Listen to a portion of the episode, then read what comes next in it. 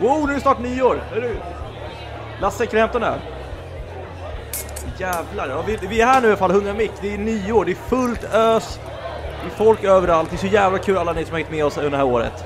Det, nu är det snart 2020, vi har nya mål, nya målsättningar. Och vi ska bara leverera större och större. Vad gör du för någonting? Det är inte nyår. Vi spelar in där innan nyår. Ja, just det. Sluta hitta på och bygg massa illusioner till lyssnarna. Du och jag sitter i vår poddstudio och pratar. Det blir ingen nyårsfest. För varken dig eller mig. Okej? Okej.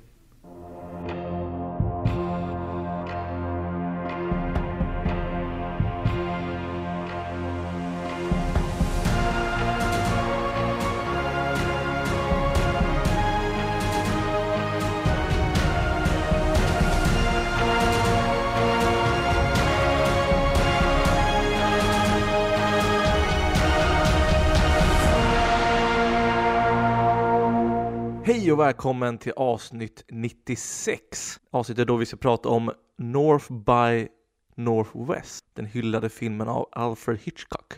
Och vi är Mick, 100 Mick. Och mitt namn är Fredrik, mitt emot har jag Viktor. Ett, jag älskar att du säger Alfred Hitchcock. Med betoning på cock. Och sen att du kör, jag vet inte vad det är för James Bond men jag- grejer du gav dig på. Jag, jag hittar ju temat till den uppenbara filmen vi har. Ah, Filmen som har skapat James Bond-genren. snyggt. Tack. Synd bara att du inte kunde samarbeta. Nej. Men då fick du skina lite mer. Heter han inte Pussycat i James Bond? Jo. Eller Pussy Doll? Pussy Galore. Vem är det? We, nej, Pussy Doll. Nu sitter vi bara och namedroppar massa porr som bara satt sig i våra medvetanden. Ja, men vi ska ju prata om ehm, Alfred Hitchcocks North by Northwest. Eller vad heter den på svenska? I sista stund tror jag den heter på svenska översättning. Mm. Men, Men eh, nu har det ju varit Christmas och eh, idag när vi släpper så är det ju nyårsafton. ja. Hur ska du spendera decenniets sista dag? Jag känner lite så här. jag har ju blivit så pass gammal att när jag vill festa till det, då är jag bakis i två, tre dagar. Vilket då har resulterat i att jag måste välja ut dagarna på året när jag väl kan festa till ordentligt. Och det jag kommer till då är att nyår är en sån dag. På nyår så släpper man alla hämningar och kör all in, fallout. Och så som vi brukar göra det är en schysst hemmabrakare med vänner utan familj. Alltså vännerna har familj, men det är mer vänner och utan familj. Ja, du förstår. Skitsamma. Det hade varit mycket mer intressant om vi kör en jävla orphan-fest. Där det är bara människor som inte har någon familj som får komma. Ja, med vänner utan familj. Nej, och sen kör vi bara en schysst middag, bra lekar, bra alkohol. Eller skitalkohol, men bra main alkohol. Och sen går vi full night. Hur firar du? Kör ni som farbror, Bo, farbror Bosse säger i uh, Yrrol. Leka lekar som vattenlekar. Och... Eller kanske bara jag. Var det en fråga på riktigt? Eller väntar du svar på Nej, det? jag ville bara få in farbror Bosse i, i podden. Gillar du Yrrol-? Ja. Nej, men, vad är det för jävla svar? Nej, men det gör jag väl? Är det inte därifrån det kommer, blanda inte in mig i vårt förhållande? Jo, Jo, det är ett exakt. mästerverk. Ja, mästerverk. Mm. Eh, Eh, nej, men hur jag ska spendera min nyårsafton? Jag kommer väl spendera den i luften för jag eh, flyger nämligen hem härifrån eh, Los Angeles då. Ska du ha party i flygplan? Ja, jag kommer köra en Wolf of Wall Street. Hilfa! Hilfa! Ja, fy fan. Kommer poppa massa, vad är det de tar? Eh, L- vad heter de? Blue drops, någonting. Ja, och skeva ur så att det kommer sluta med att de binder mig. Dock så sitter jag tyvärr inte i eh, första klass. De binder väl dig oavsett? Ja, det gör de redan i check-in-disken. Det är bara Ryanair som inte binder dig. Det är därför du, det är därför med ett budgetföretag, för de har inte råd att lägga sån energi på att ta hand om kända profiler som dig Mm. när du flyger. Eller som eh, VM-laget 94 när de åkte hem. Och Thomas Ledin brände av några schyssta dängor. Och Thomas Ledin med på flyget hem? Ja. Mm. Sägs i alla fall. Tungt. Och då till en jävla fest.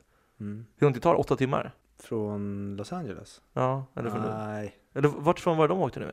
Vad sa du? Vart, vart åkte de ifrån? Det vet jag faktiskt inte. Jag kommer inte ihåg vilken stad de... De slutar upp i? Nej. Men hur långt är de från the LA? Jag tror att det är 12 timmar, 10. Något sånt. Jag, minns, jag har inte riktigt koll. Jag är, jag är väldigt orolig för vad... Alltså det kommer ju skjutas raketer mot mitt plan. Kommer det? Ja, jag sitter ju på det. Du menar att folk skjuter raketer mot dig? Jag är en väldigt kontroversiell figur. Jag tror att de kommer skjuta mot dig av kärlek. Jag kommer ju spendera... In, mitt plan går visserligen nu i, på kvällen. Men jag kommer spendera dagen med att gå runt och um, försöka göra mer skada än vad Borat gjorde när han var i USA. Så jag, yeah, Madge, I'm going to use A. Fast på svenska? Ja, nej, han pratar ju engelska. Nej men, Då kommer jag säga, det gjorde han faktiskt. oh, I'm uh, going home tonight. Uh, I'm uh, Swedish. Have you seen Swedish Chef? You know um, um, yes, a famous Swedish person, uh, Max von Sydow. You know him? Du har lite såhär bratty svenska, svenska engelska. Yes. I'm a brat. Folk kommer fråga, ja. I, I brat from uh, Stureplan. Have you been to Stureplan? No? Oh, you should go to Stureplan. Yes. Only rich people, success people, we are there. You not go there. You know rich, successful, no. Jag jobbar på Stureplan. As a cleaning lady, Nej.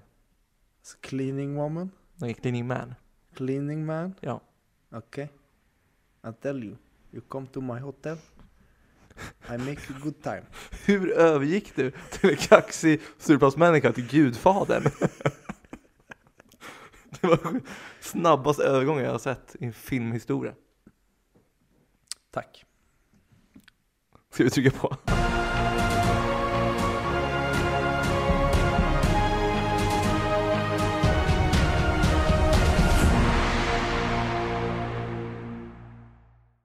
Har du också en kompis, eller flera, som lider av det här äh, syndromet att de gör allt för att inte bli spoilade?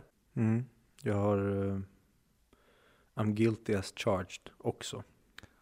Jag har en person som han går så långt han bara kan för att inte bli spoilad. För det, att bli spoilad för honom är ungefär som att världen raserar och går under. Men jag förstår inte riktigt det. Jag är faktiskt en person som, även om jag undviker spoilers, så ibland så kan jag faktiskt kolla upp vissa saker. Jag uppskattar att se trailers, jag uppskattar att läsa vad filmen handlar om innan jag ser den. För på något sätt veta vad jag ska gå in i för mindset när jag ser filmen. Hur är du med angående spoilers? Nej, jag är tvärtom. Jag eh, ser knappt klart trailers längre för att jag vill jag vill egentligen bara få, ja men teasers är perfekt för mig, där jag får en liten känsla av vad som kommer att levereras till mig. Och resten får gärna vara helt okänt. Ja men typ premissen och en teaser räcker jättebra. Sen vill jag bara ha, jag vill inte veta någonting. Men du har ett blank canvas som bara ska målas. Mm.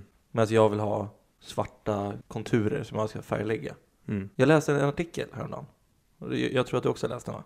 Mm, du skickar inte mig. skickade. Där de hade gjort en undersökning på, jag tror att det var till, på 900 samplegrupp, om det var 900 stud- studenter eller vad det var. Där de testade att dels ge de här personerna nyckelpoängen i en story, alltså spoila dem, och sen låta dem läsa en, en historia eller berättelse. Och till vissa fick de ingen, ingen information innan, innan de läste den. Och sen testade de hur, hur de upplevde den här berättelsen. Och de som hade blivit spoilade tyckte mer om den. Och det visade sig oavsett om det var mysterier eller thrillers eller om det var twists tenderade folk att uppskatta berättelsen mer när de blev spoilade. Sen så lägger man också till att absolut, det här är relativt liten Säpo-grupp, det här gäller inte alla och det här gäller inte alla medier heller. Men jag tycker det var väldigt intressant. Vi var inne på det när vi, när vi pratade om In Bruges, att det är en film som man kan uppskatta mer andra eller tredje gången man ser filmen. Och det har en tendens till det. Och, och det, och det som jag vill diskutera med dig, det som jag tog ut från den här artikeln, det är att kan det vara så att man uppskattar en film mer när man vet om den, men bara om man har blivit spoilad av sig själv. Med det menar jag att du måste ha sett den själv första gången och sen se om den igen för att du ska uppskatta den mer andra gången. Snarare än att någon annan har berättat för dig vad som kommer hända, att du ser den för första gången på det sättet. Ja, definitivt. Jag, för jag funkar så i alla fall att jag älskar att se om filmer och jag älskar filmer som har ett väldigt högt omtittsvärde. Men jag vill också ha den här första, the element of surprise. och se hur filmskaparen kan överraska mig och kanske ja, men virra bort mig, eller vad det, vad det än egentligen är. Att jag kliver in med att jag vet så lite som möjligt och nu får jag se vad det här är. Och sen se om filmen med allting i bakhuvudet och se hur den funkar då. För det är en grej också som som dels är med det här hur jag betygsätter filmer, att de ska hålla liksom, stå the test of time, eller att de i alla fall ska funka när jag ser om dem en, en period senare. Det är för att se att, okej, okay, jag tyckte om den som fan första gången, när jag inte visste någonting om den. Det kan vara bara att jag blev helt, eh, alltså det var som en stor våg som bara körde över mig. Men det hör också till att jag vill se hur filmen funkar när jag redan känner till allting som kommer hända.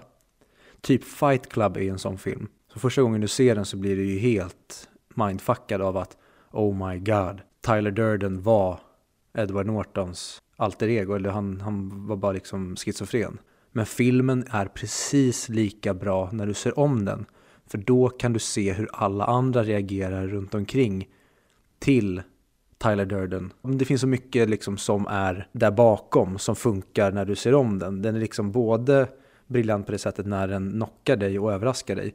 Men den är också helt perfekt i att du får vara en av dem som känner till det här.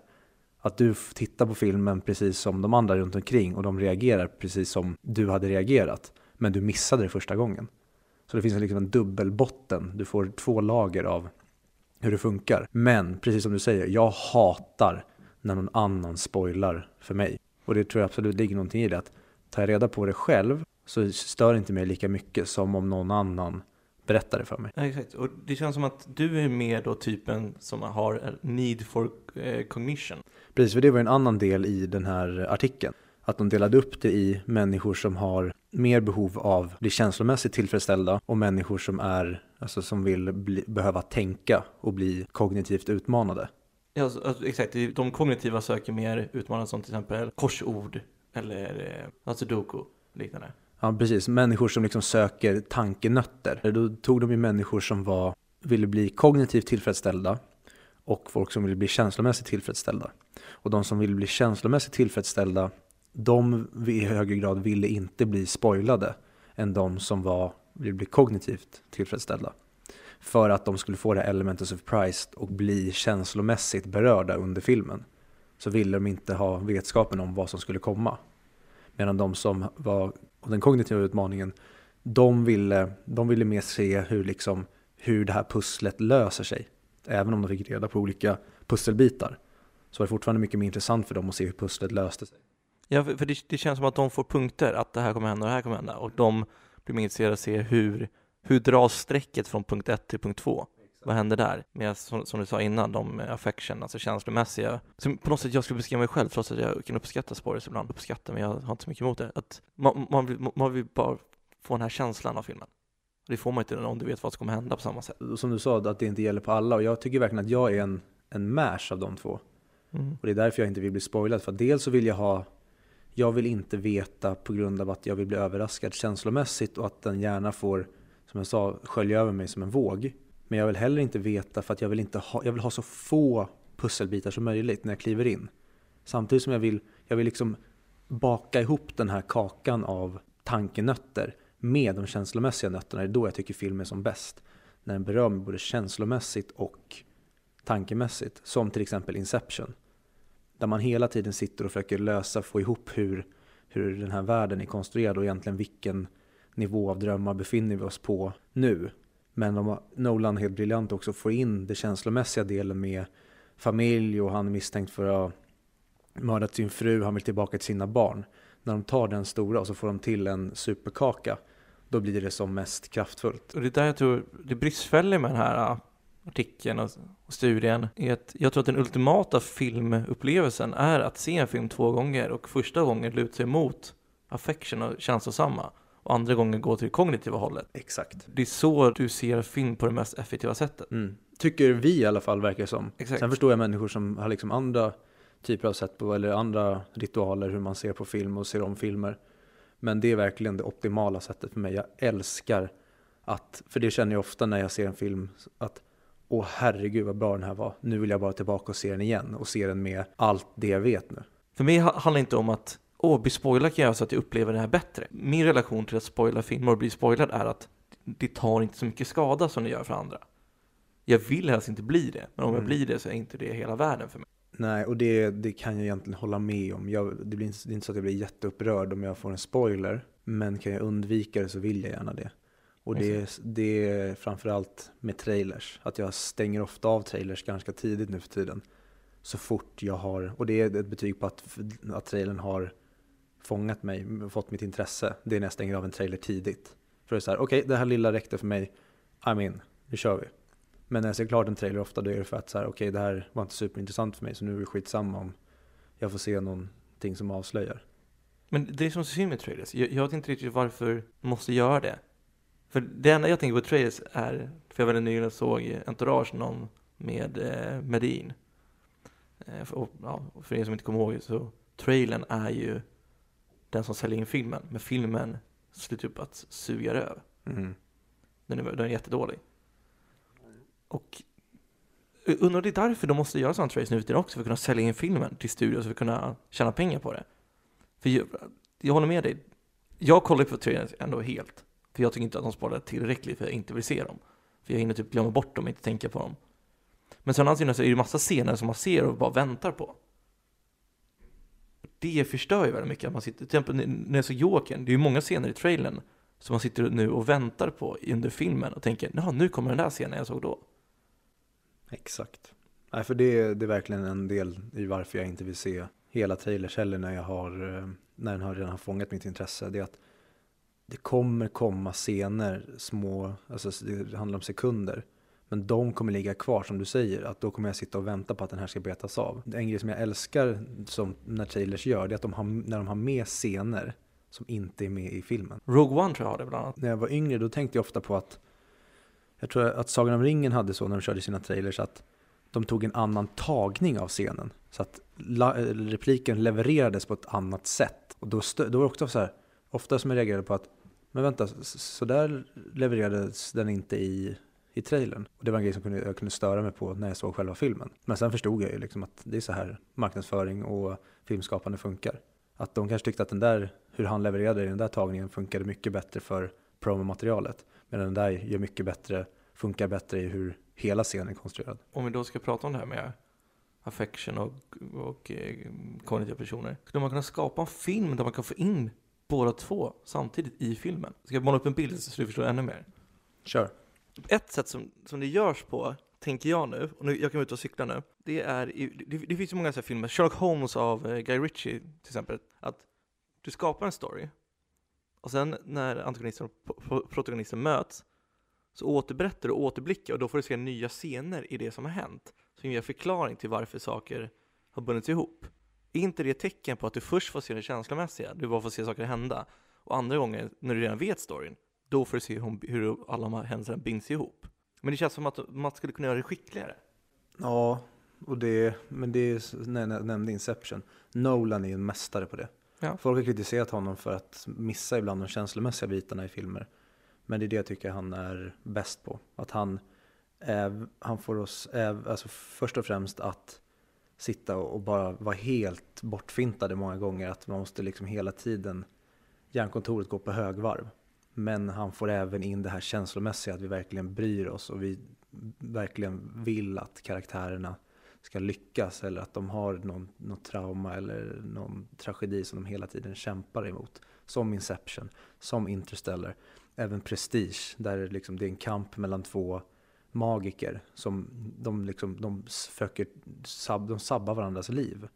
Det är inte bara det här med att man är intresserad av hur, hur tricken går till eller hur, hur kunna göra det där, utan vi bryr oss även om karaktärerna, deras familjer, kärleksintressen och, och så fort de får ett ned, nedlag så bryr vi oss väldigt mycket. Jag håller med. Jag så bara tänkte på att det har varit ballt att klippa in Leftover soundtrack när du sa det där. Det var redan som började gråta. Det var så vackert. Har du sett eh, Arrival? Eh, ja. Mm, samma sak där. En film som verkligen får en att tänka på hur, så här, hur kommer de här eh, varelserna som kommer till våran planet, vad är det de kommer ge oss för någonting? Och vi hela tiden är på spänn på hur ska vi kunna kommunicera- kommunicera med de här samtidigt som klockan tickar. För det finns krafter som vill ja, men, inte göra dem för att de känns som ett hot. Kampen mot klockan på hur ska vi få tag i det här verktyget som de förmodligen försöker ge oss samtidigt som det är Amy Adams karaktärs känslomässiga resa som vi får följa. Och filmen slutar i ett stort känslomässigt klimax tillsammans med allt det som filmen har handlat om. Och det blir ett stort bara bam av både känslor och tankenöts tillfredsställelse. Mm. Ja, jag, jag, jag, jag tycker om den här filmen. Jag älskar sci-fi generellt. Och det var en väldigt bra sci-fi film. Väldigt.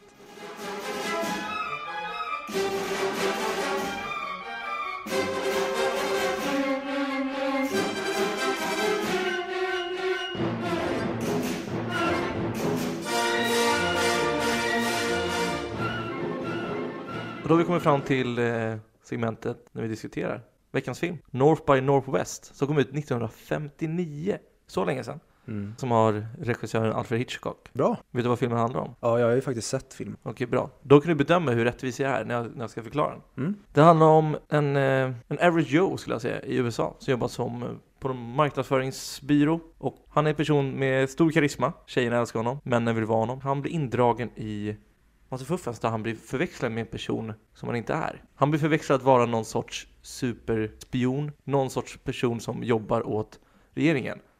Och då, det som händer är då att han blir jagad av en kriminell organisation eller kriminell människa i USA. Och det handlar då om hur han ska ta sig ur den här knipan när han blir förväxlad till fel person.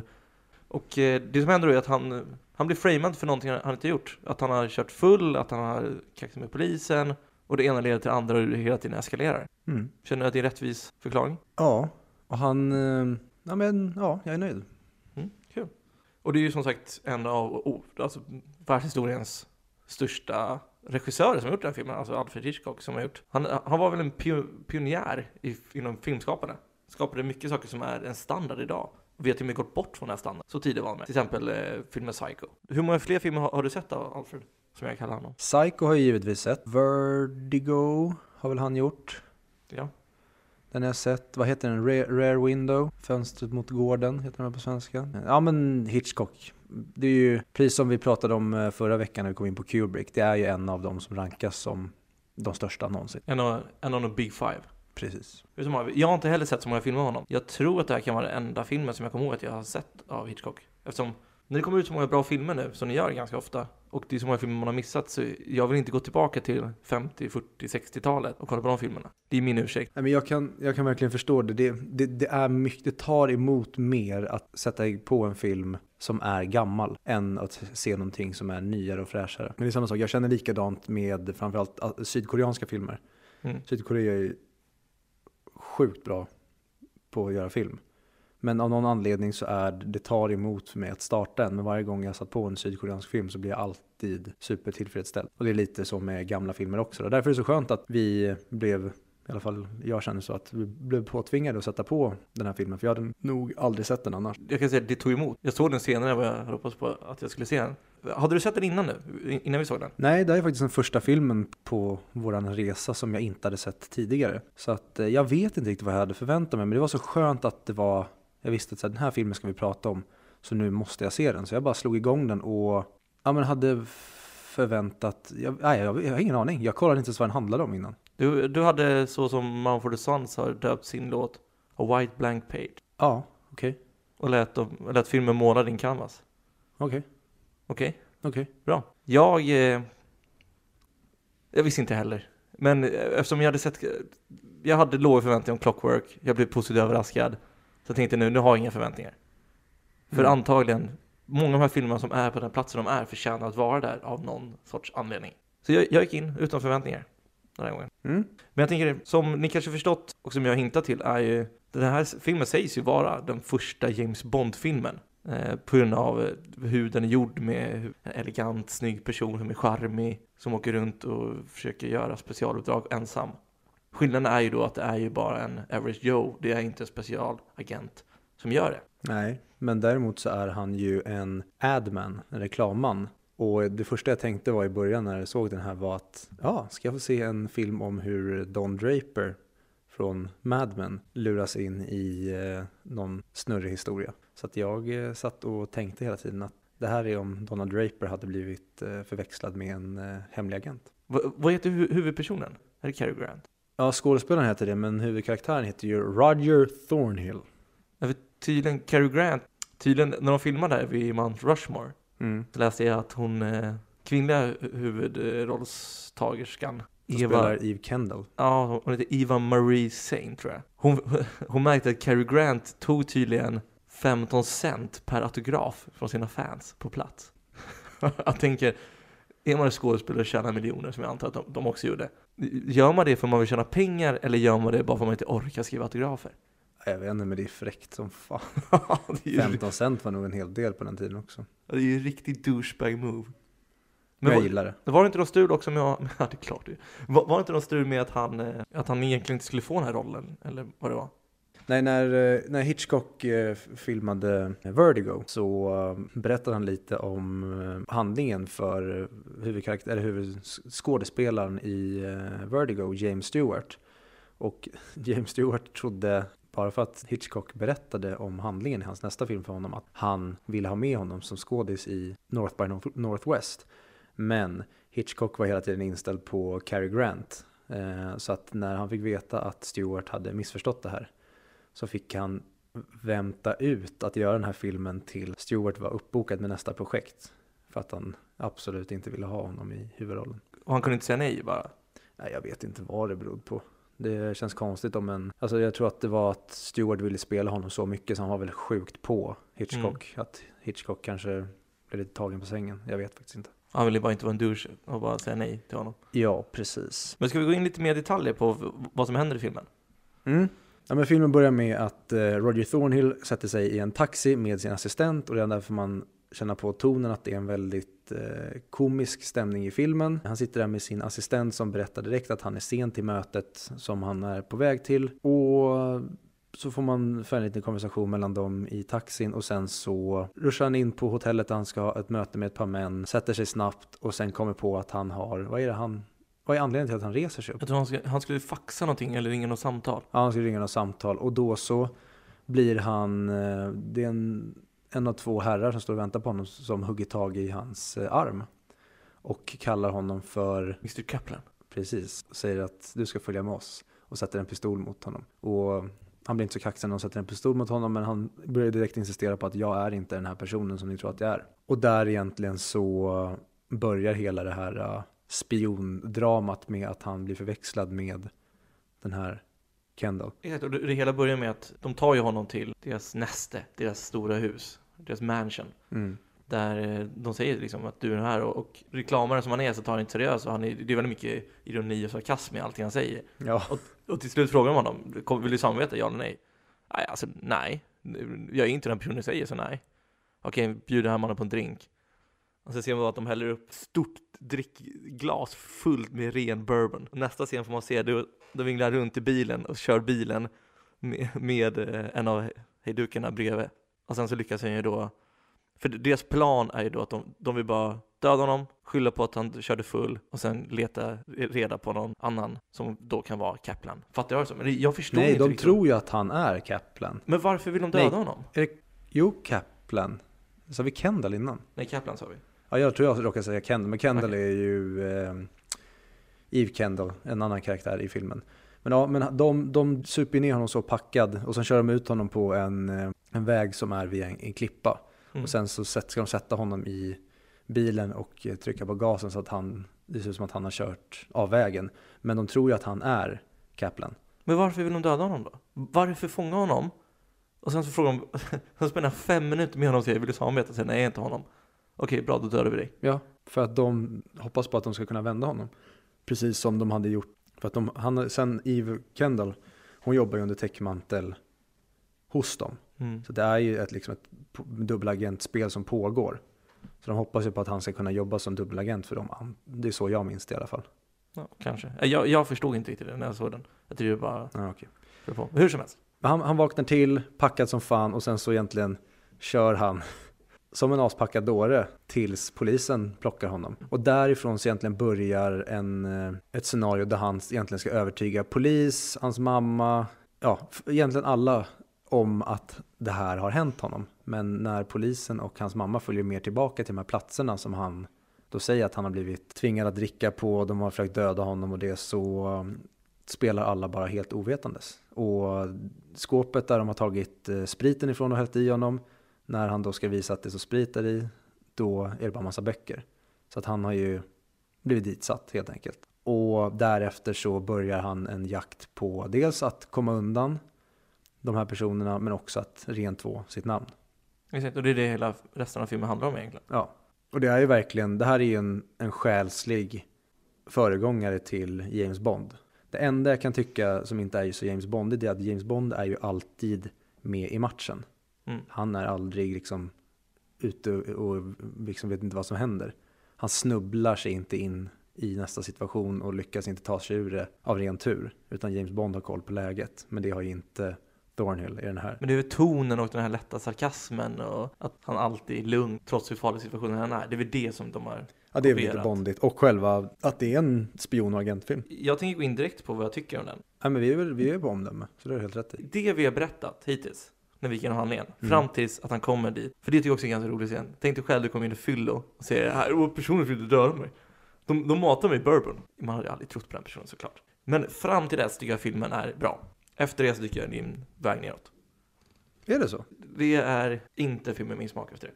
All right. Ja, jag tycker filmen är jättebra. Och just för att den, den är så, den är tidig med så mycket av grejerna som händer. Men du kan inte bedöma film på hur tiden den var. Jag bedömer hur den var nu när jag såg den.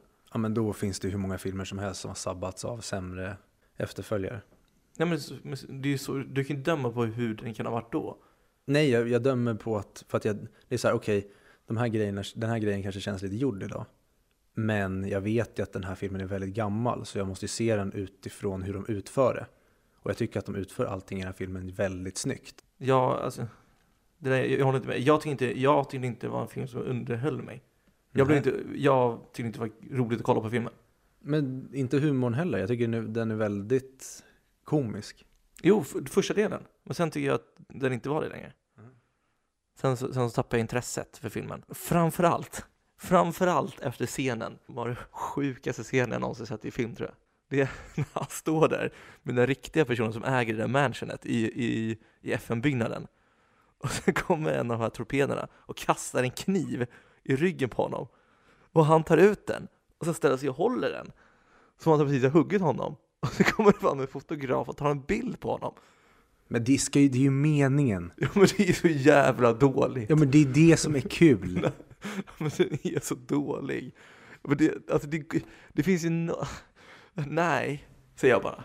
Nej, jag tyckte det var briljant. Jag tycker det var skitkul. Och det är det jag tycker är roligt med den här filmen. Att det är samma sak som när han sitter i, eh, på på auktionen och han börjar buda helt skeva summor. Det är också jätteroligt hur de bara, typ, jag har för mig att de säger typ 20 000. Och han typ bara 3 000! Och, och folk blir asförbannade på honom. Men det är också briljant hur han gör det så att de till slut, han startar liksom ett bråk så att han blir utkastad så att han inte ska bli fångad. Men jag tycker hela tiden att de löser alla de här grejerna på väldigt roliga sätt. Det är inte meningen att det ska vara liksom idag, det, det ska inte vara Nolan. Utan det här är ju liksom en blinkning hela tiden. Det, den är ju lite av en komedi-thriller. Jag tänkte faktiskt ta upp den här auktionsscenen, för den tycker jag var briljant. Mm. Hur han löste den situationen. Att okej, jag kan inte ta mig ur, de vaktar alla utgångarna. Bra, vi, löste det de, deras vakter eller polisen och sen gjorde han det på ett väldigt underhållande sätt också. Så det, det får jag faktiskt ge dem är en väldigt bra scen. Men vi har pratat om det innan, The Test of Time och den här filmen är inte tidslös. Och det kan ju bero, det, det kan vi komma in sen när vi pratar mer, mer om kritik. Men det kan ju bero på att det är andra filmer. Det här var en pionjär inom den här genren. Och andra filmer har kopierat det. Så alla saker som händer i filmen har ju blivit till en, till en klyscha. Mm. Och då för mig att komma tillbaka till originalfilmen, eller vad nu man kan kalla den här. Jag, jag skulle jämföra med, med att du har en sten som folk polerar hela tiden. Och det, det finns kanske hundra versioner av den här stenen och varje gång, så, varje steg har blivit bättre och bättre polerad. Och sen om du går tillbaka till originalstenen då, då är ju den mycket, mycket sämre. Det, det är samma sak om du har en iPhone 10 nu, sen kollar du på den första telefonen du hade, den är helt värdelös. Även om det var revolutionerande då, så är det ju helt värdelöst nu, för nu har du den här iPhonen. Hänger du med? Jo, men jag köper inte det för jag tycker att du måste fortfarande kunna se att den här, liksom, den här var the shit. Sen att jag tekniskt kanske har åldrats illa, men historieberättandet tycker jag håller helt och hållet, tycker jag är jättebra. Men för den tiden, ja absolut. Men jag, jag, återigen, jag, tycker, jag, jag njöt inte nu när jag såg den. På så pass mycket. Jag tycker fortfarande den var bra, men inte så pass bra som den har nu och blir hyllad för nu. Det finns bättre filmer tycker jag, idag. Nej, jag, jag kan köpa det, att man, om du ser på det hela så. Men varför tycker du att den var, att den var så bra? Nej, men jag, jag tycker att just på grund, alltså det som du kritiserar, med att ja, det är folk som har tagit de här grejerna och gjort dem efter och gjort dem bättre. Jag, jag älskar att se filmer som är först ut med många saker och se hur de gör det. Jag ser det liksom som att här föddes den här, det här greppet. Och även fast det idag kanske ser lite pajigt ut så förstår jag att ah, med det de hade där och då så utförde de det briljant. Det måste vara du och jag såg det på olika sätt. Jag såg det som att bli underhållen. Du såg det mer som alltså, filmteknisk. Nej, jag var, väldigt, jag var väldigt underhållen också. Och det är det jag tycker att den gör så bra, för att den har väldigt skönt tempo. Och hela liksom kärleksdelen, hur hon lurar honom, hur han lurar henne tillbaka. Hur han blir liksom, han snappar upp och blir mer och mer, får mer och mer kontroll över hela situationen ju mer längre filmen går tycker jag också är jättebra gjort. Jag tycker att den är jätte, jättebra. Tekniskt också, det finns så klassiskt fult är ju typ när de åker i bilarna. Och man ser att det är en, en duk bakom. Men det är okej okay, tycker jag. Alltså, jag stör mig inte alls på specialeffekterna eller humorfilmen. Det är inte det. Det är, det är ingen problem med. Men varför, ta ett exempel på någonting du inte tycker funkar. Men det, allting känns så fake. Det känns så iscensatt allting. Jo men det, det är lite så det ska vara. Och det är liksom, då, då, du får ju köpa att filmskaparen vill göra det så. Det är därför jag sa att du kan inte ta det liksom för att det ska vara Nolan, att det verkligen ska kännas som Inception, att det blir väldigt realistiskt, men man sätter det liksom i en liten övernaturlig kontext. Det här är, det, liksom, det är en spionkomedi. Jag tycker en jämförelse är bra att dra om man liksom ska ta det som den här filmen gör, men dra det ännu längre. Då kan man ta typ Nakna Pistolen. Har du sett dem? Mm. Där gör de ju liksom ännu mer pastisch på agentgrejen. Men där drar de det superlångt. Här tycker jag hela tiden att det är att ja, det, det, är en komisk karaktär som snubblar sig igenom det här. Så att, och jag tycker de balanserar väldigt snyggt mellan humorn och allvaret. För att det, det finns ett riktigt, verkligt dödligt hot. Men det finns också mycket komiska inslag i det här som gör att ibland så känns det som att okej, okay, hur löser de det här lite knasigt? Det är det jag tycker du tappar. Om det hade varit hela tiden att han löste varje situation som han löste på aktionen, som faktiskt var briljant drag. Mm. Resten tycker inte är det. Resten är bara oj, oj, oj, oj, oj. Och så får man så är det inkompetenta personer som gör så att det funkar. Och att det är så bisarra situationer han hamnar i som är så lättlöst. Men som vad då för? Men som, det skulle ju aldrig kunna hända att han blev så pass framad som han blir i den. Det är ju klart. Varför det? Nej, alltså inte om du tar liksom på, i en verklig situation, men det är fortfarande det är film. Men utifrån det universum, universumet som de visar upp så köper jag det till 100%. Att alla direkt börjar ifrågasätta honom, alltså hur polisen är. Polisen är liksom the bad guys, de ifrågasätter honom från början filmen, jag tycker filmen utger sig för att vara precis det den är. Det är hela tiden, allting är lite skruvat. Ja, och, jag, alltså, och det är det jag menar, och jag tycker inte det är bra. Det är ingenting som faller mig i smaken. Nej, okej. Okay. Men det är fortfarande det filmen vill göra. Så det är ingenting som liksom den, den misslyckas med, utan det är precis det den vill göra. Nej, men som sagt, jag tycker det är väldigt ballt att den här, den här filmen på den tiden, fruktansvärt revolutionerande. Och, och jag kan verkligen förstå att den blev så stor som den är. Men jag tycker inte att den håller idag. Nej, men du säger att du tycker inte att den håller för att du inte köper scenariot. Men det finns ju filmer som görs på precis samma sätt idag. Men inte bara inte köper scenariot. Jag tycker att allting känns så klyschigt och det känns så gjort. Det känns som man har sett det. Det känns som att det är ingenting nytt. Det är ingenting underhållande. Ah, okay. Nu eftersom jag argumenterar med dig över det andra hållet. Det är inte som att jag ger en trea. Jag tycker fortfarande det är en bra film. Jag tycker inte att den är så pass bra som du verkar. Kan vi övergå till att kolla vad andra personer har gett den för betyg och vad de har sagt för, för kritik till den? Ska mm. vi bemöta den tillsammans? Om vi tar de som har, återigen, alltså de som har 3, 3 av 10, 5 av 10 och 7 av 10. Och 3 av 10 är inne på det som jag också pratar om, att den håller inte idag. Att allting känns fake, att det är en vanlig man som helt plötsligt är bäst på allting och att allting är väldigt ologiskt. Men han blir inte bäst på allting.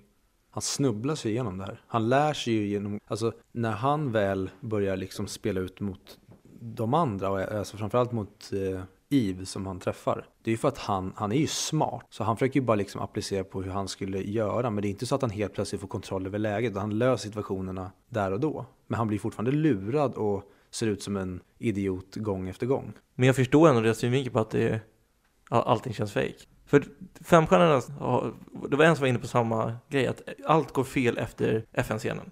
Efter när han tar ut kniven i ryggen, bara, oh vad är det här för något? Oh. Och sen så, så kommer det bilden, han står med kniv som har på att hugga en person. Efter det är allting fel. För en titel som beskriver det är, är att det var 137 minuter av, huh? Mm, och det är precis det filmen vill vara.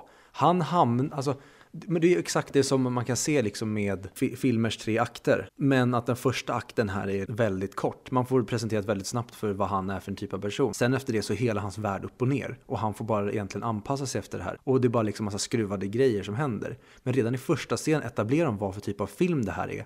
När han bara sitter, alltså han sitter och säger ganska, alltså han, han, är, han är knä, man märker att han är knasig från början. Det är en knasig karaktär. Och även när de stoppar upp pistolen mot honom hade, det varit, hade filmen utgett sig för att vara typ mer än, ännu mer en thriller, då hade, han inte, då hade han blivit rädd på riktigt. Men han, han svarar, han är liksom sarkastisk mot de här gangstrarna direkt. Och samma sak när han kommer till Townsends hus. Han står och liksom är lite uppkäftig och dryg och liksom, han, han tar inte saker på allvar. Och det är egentligen det som är det växer fram mer och mer genom filmen att till slut, i slutet så är han ju allvarlig för då förstår han att hon, hennes liv svävar i fara. Men han, han liksom dansar sig igenom det här lite clueless och charmigt hela tiden. Och alla karaktärer runt om honom är också lite knäppa och som du säger klyschiga. Men det är precis det den vill vara och det är därför jag tycker att den är så bra. För den gör det så jäkla bra. Men ville den vara klyschig på sin tid? Eller har den bara blivit klyschig nu eftersom den var så pass bra så folk tänkte det här måste vi ta? Alltså klyschigt i den bemärkelsen i, i att det här är liksom trope som ja, James Bond tog sen. Mm. Men de var först med att göra det och, det och när man är först med att göra något sånt här så är det, jag tycker bara allting är jättebra utfört. Sen, ja, alltså tycker man att, att sämre efterföljare kan sabba någonting så, ja då får man tycka det. Men jag tycker bara att den blir ännu bättre av att det är så många som har försökt återskapa det här, att de till och med har sabbat mycket av det. Men jag tycker inte att det är dåliga efterföljare som har sabbat det. Jag tycker det är bra efterföljare som har sabbat det. Förstår du skillnaden? Ja, men fortfarande då är det liksom man har tagit någonting som gör att originalet ser sämre ut. Men som du, du jämförde med liksom en iPhone. Ja, men hade vi inte haft de här iPhonen så hade det här varit amazing. Och då är därför kan jag se bortom de, de nyare modellerna och uppskatta hur otroligt bra originalet var och vad det var den faktiskt gjorde. Vi är inte oense, det är bara att vi ser på filmen på olika, från olika synvinklar. Mm. På olika situationer. Sure. Men, men framförallt den här 7 av 10 stjärnorna summerar det väldigt bra och nu kommer jag läsa till här. Och den här personen säger Considered one of the best of Hitchcock's films, I find that I'm not that big a fan of the film. It's not that it's a bad movie, rather I think that the film has been ripped off and restaged so many times that any power the film might have had is rather dissipated. Och då är ju frågan vart man så parallellen. Bedömer man hur underhållande den är nu, eller hur den var? Och vad den har bidragit till? Och dens arv och dens hela kulturen den har bidragit. Ja, och där tycker jag att man kan ha två bollar i luften samtidigt. Mm. För jag tycker att man kan se båda grejerna. Och det är det jag, det var det jag verkligen kände från början av den här. Att så här, okej, okay, nu ska vi få se många av knepen och knapen som vi får se i filmen än idag. Var mycket av det föddes och hur den här mästaren drog igång det här. Mm. Och det gjorde den, och det, jag, tycker, alltså, jag tycker filmen är svinrolig. Det är det jag gillar med den mest. Hur jävla kul det är att kolla på den. Det var underhållande dialoger, men eh, den faller platt tyvärr. Den, den lever inte upp till sitt rykte, enligt mig. Jag kan ju slänga till vad den missar. Eller vad, vad hade jag väl ändrat på den? Mm. Jag tror det är någonstans med att det känns som att mystiken försvinner efter FN. Det känns som att filmen tar fel steg. Innan hade jag ändå kunnat köpa att den blev frame på det sättet, att de så här, tvingar full. Så här, det är så här, ja, fair enough. Liksom, det känns som en hemmabygge av teknik att få någon att verka ta självmord. Men just det här med kniven, det sabbade för mig. Och hade de gjort det på ett snyggare sätt, då tror jag filmen hade kunnat fortsätta. För återigen så tycker jag fortfarande att den är väldigt bra fram till den scenen. Mm. Och du säger göra det på ett snyggare sätt. Jag tycker att det är jättekul, för det är precis det scenen vill vara. Mm. Den vill att det ska vara kul. Och det, det kan ju vara så att jag misstolkat hela filmen, att jag måste se den igen. Och se ja. från nytt. Ungefär som du och Amelie första gången du såg den så tyckte inte om den, andra mm. gången så älskar du den. Det, jag tycker det låter som att du har tagit filmen för seriöst. Ja, mycket möjligt. Ja. Några negativa grejer som jag har, det är typ när eh, hon skjuter honom i kafeterian. Ja. Det tycker jag det är skitpajigt gjort. Och det är just för att det ska vara seriöst. Men då tycker jag allting ser väldigt fult ut. Och även i, i skogen där när hon ska säga farväl till honom. Tycker jag också blir väldigt pajigt när, när han säger att hon inte får åka och så vänder han sig om och så står chauffören där och ger honom en snyting. Det blir också lite pajigt. Men det tycker jag också är liksom, det är charmigt. Eh, men det är två av de grejerna som jag tycker att de kunde skött snyggare. Men sen tycker jag, alltså skurkarna i filmen älskar jag. Ja, det, här, det, måste, jag- det har jag glömt ta upp. Jag uppskattade antagonisten väldigt mycket i filmen. Mm. Jag tycker han var mycket, jag gillar han mer än protagonisten. Gjorde du? Ja. Någon jag verkligen gillade var Leonard. Vem, vem var det nu igen? Det är han som till slut, eh, han som alltså, luskar ut att hon har skjutit med en fake-pistol, alltså hans högra Ah, hand. okej. Nej men för jag gillar, för, för det känns som att han, det känns som att Van Damme, alltså skurken, att han är ganska sårbar utan sina män, utan Leonard och de där. Också klassiskt eh, film och framförallt Bondskurks-trope. Man har massa hejdukar runt omkring sig som är ens muskler. Ja men han känns sårbar, han känns, det känns som att han har brister, det känns inte som att, Ja, du menar att han är förälskad i henne till exempel? ja det också, men han får en hel, det känns inte som att han har de bristerna på samma sätt. Mm. Nej, det kan jag, ja absolut. Ja, för han känns väldigt resonabel. Ja. Det tycker jag de gör väldigt bra med hans eh, hitmen. Att de blir hans, liksom de, han, de blir karikatyrerna. Medan han är lite mer en, ja men precis verkligen en antagonist som bara har en annan syn på saker. Eh, Mm. Och så är de hans anställda som får göra smutsjobbet åt honom så att han slipper smutsa ner sig själv. Mm, och saker med, för han, han jobbar ju med att exportera och importera antika konstverk. Mm. Och det känns bara som att han älskar konstverk. Kul grej, eh, han som spelar Leonard, Ja. det är ju han som i, du vet, Entourage som säger Is that something you might be interested in? Är det han? Ja, Åh, han som har varje, varje, varje pitch han är. Så så här, What would you say if, if you can make 10 million dollars, win an Oscar and get a blowjob from uh, Jessica Alba? Would that be something you get interested in? det hatar honom helt rakt. ja, jag hat, älskar honom. Men det för då direkt så jag bara fan vad jag känner igen honom. Och sen så, så kollar jag upp det och så bara, åh jävlar det är han från Entourage. Men jävlar vad han var ung och fräsch där. Mm. Stilig ung herre. Och han passar verkligen i den rollen. Han ser väldigt ormig ut. Ja men det gör han. Får man säga en till grej som jag, som jag tyckte var jättemärklig och som jag inte riktigt förstod scenen. När han får reda på att det är en blank och han skjuter mot honom för att visa det. Då bara smäller han till Lennart. Ger honom en rak höger så, och sen bara händer inget mer. Kommer du ihåg den scenen? Ja, när kameran liksom följer med honom ner Ja, när han har ramlat Och sen baklänges. händer ingenting efter. Ja, men jag kommer inte ihåg att det var någon mer. Nej men det märkliga var att ingenting hände. Han bara slog till honom sen bara, ja, ja. Sen var han vänner igen. Men det var, var det innan han sköt blank? Nej, det var efter. Så det kan alltså antagligen så ville de ju spela på att han blev irriterad över att hon var så och att han visade genom att skjuta mot honom. Ja. Nej, jag kommer inte ihåg just det där. Nej men ska vi gå över till betyg? Yes. Vill du ha äran att börja? Mm. Jag landar i att det här är en eh, 4 av 5, 8 av eh, 10. Och jag köper lite av det du har sagt om den här, om, om åldrandet och det. För att jag tycker att jag förstår verkligen när den här kom att det var wow, the shit. Och jag kan verkligen uppskatta den, därför jag sätter 8 av 10 på den. Men jag tycker inte idag om jag ska ranka de 100 bästa filmerna att den hör hemma på topp 100. Men fast jag tycker om den väldigt mycket. Jag tycker det är synd att det ska behöva vara så. Jag ger den 7 av 10. Mm. Det, är en, det är en stabil film tycker jag att kolla på. Jag tycker den är värd att se, men det är inget märkvärdigt. Jag tycker inte den hör, hör hemma på topp 100, så noll mick får det bli för den, för, från mig. Däremot så, jag hade ju önskat på något sätt att man kunde dela in topplistan på 50 år eller 100 år. För jag tycker den ändå förtjänar att, att nämnas och finnas där ute. Jag, tyck, jag tycker den hör hemma på uh, topp 250. Ja, mycket möjligt. Jag har inte så bra koll på exakt vilka som ligger där runt, mellan, alltså från 250 till 200 snåret. Nej men du säger så här, för dig, skulle, skulle du säga att du har sett 250 filmer som är bättre än den här?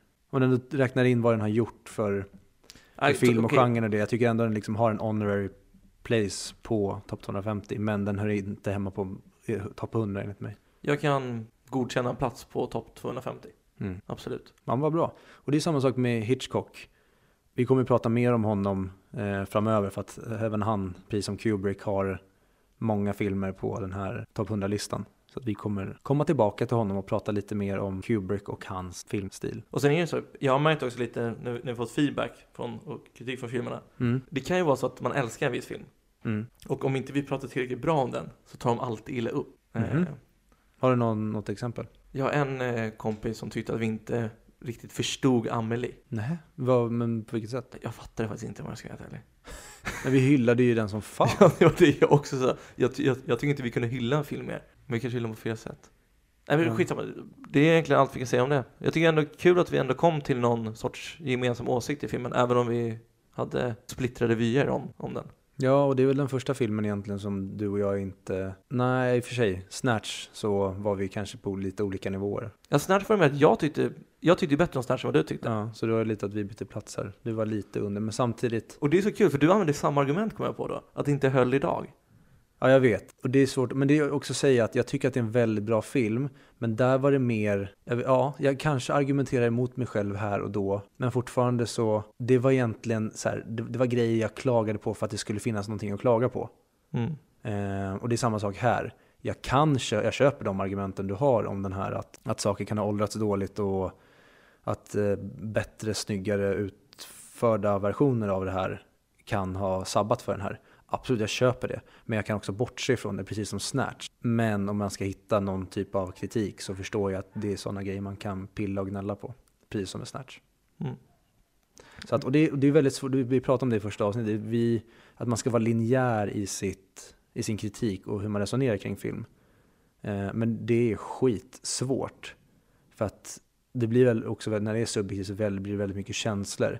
Och någonting som jag rent objektivt kanske klagar på, som med Snatch, kanske jag, när jag blandar in känslor för den här, bortser ifrån. Så att det är, varje film är egentligen ett eget case, tycker jag.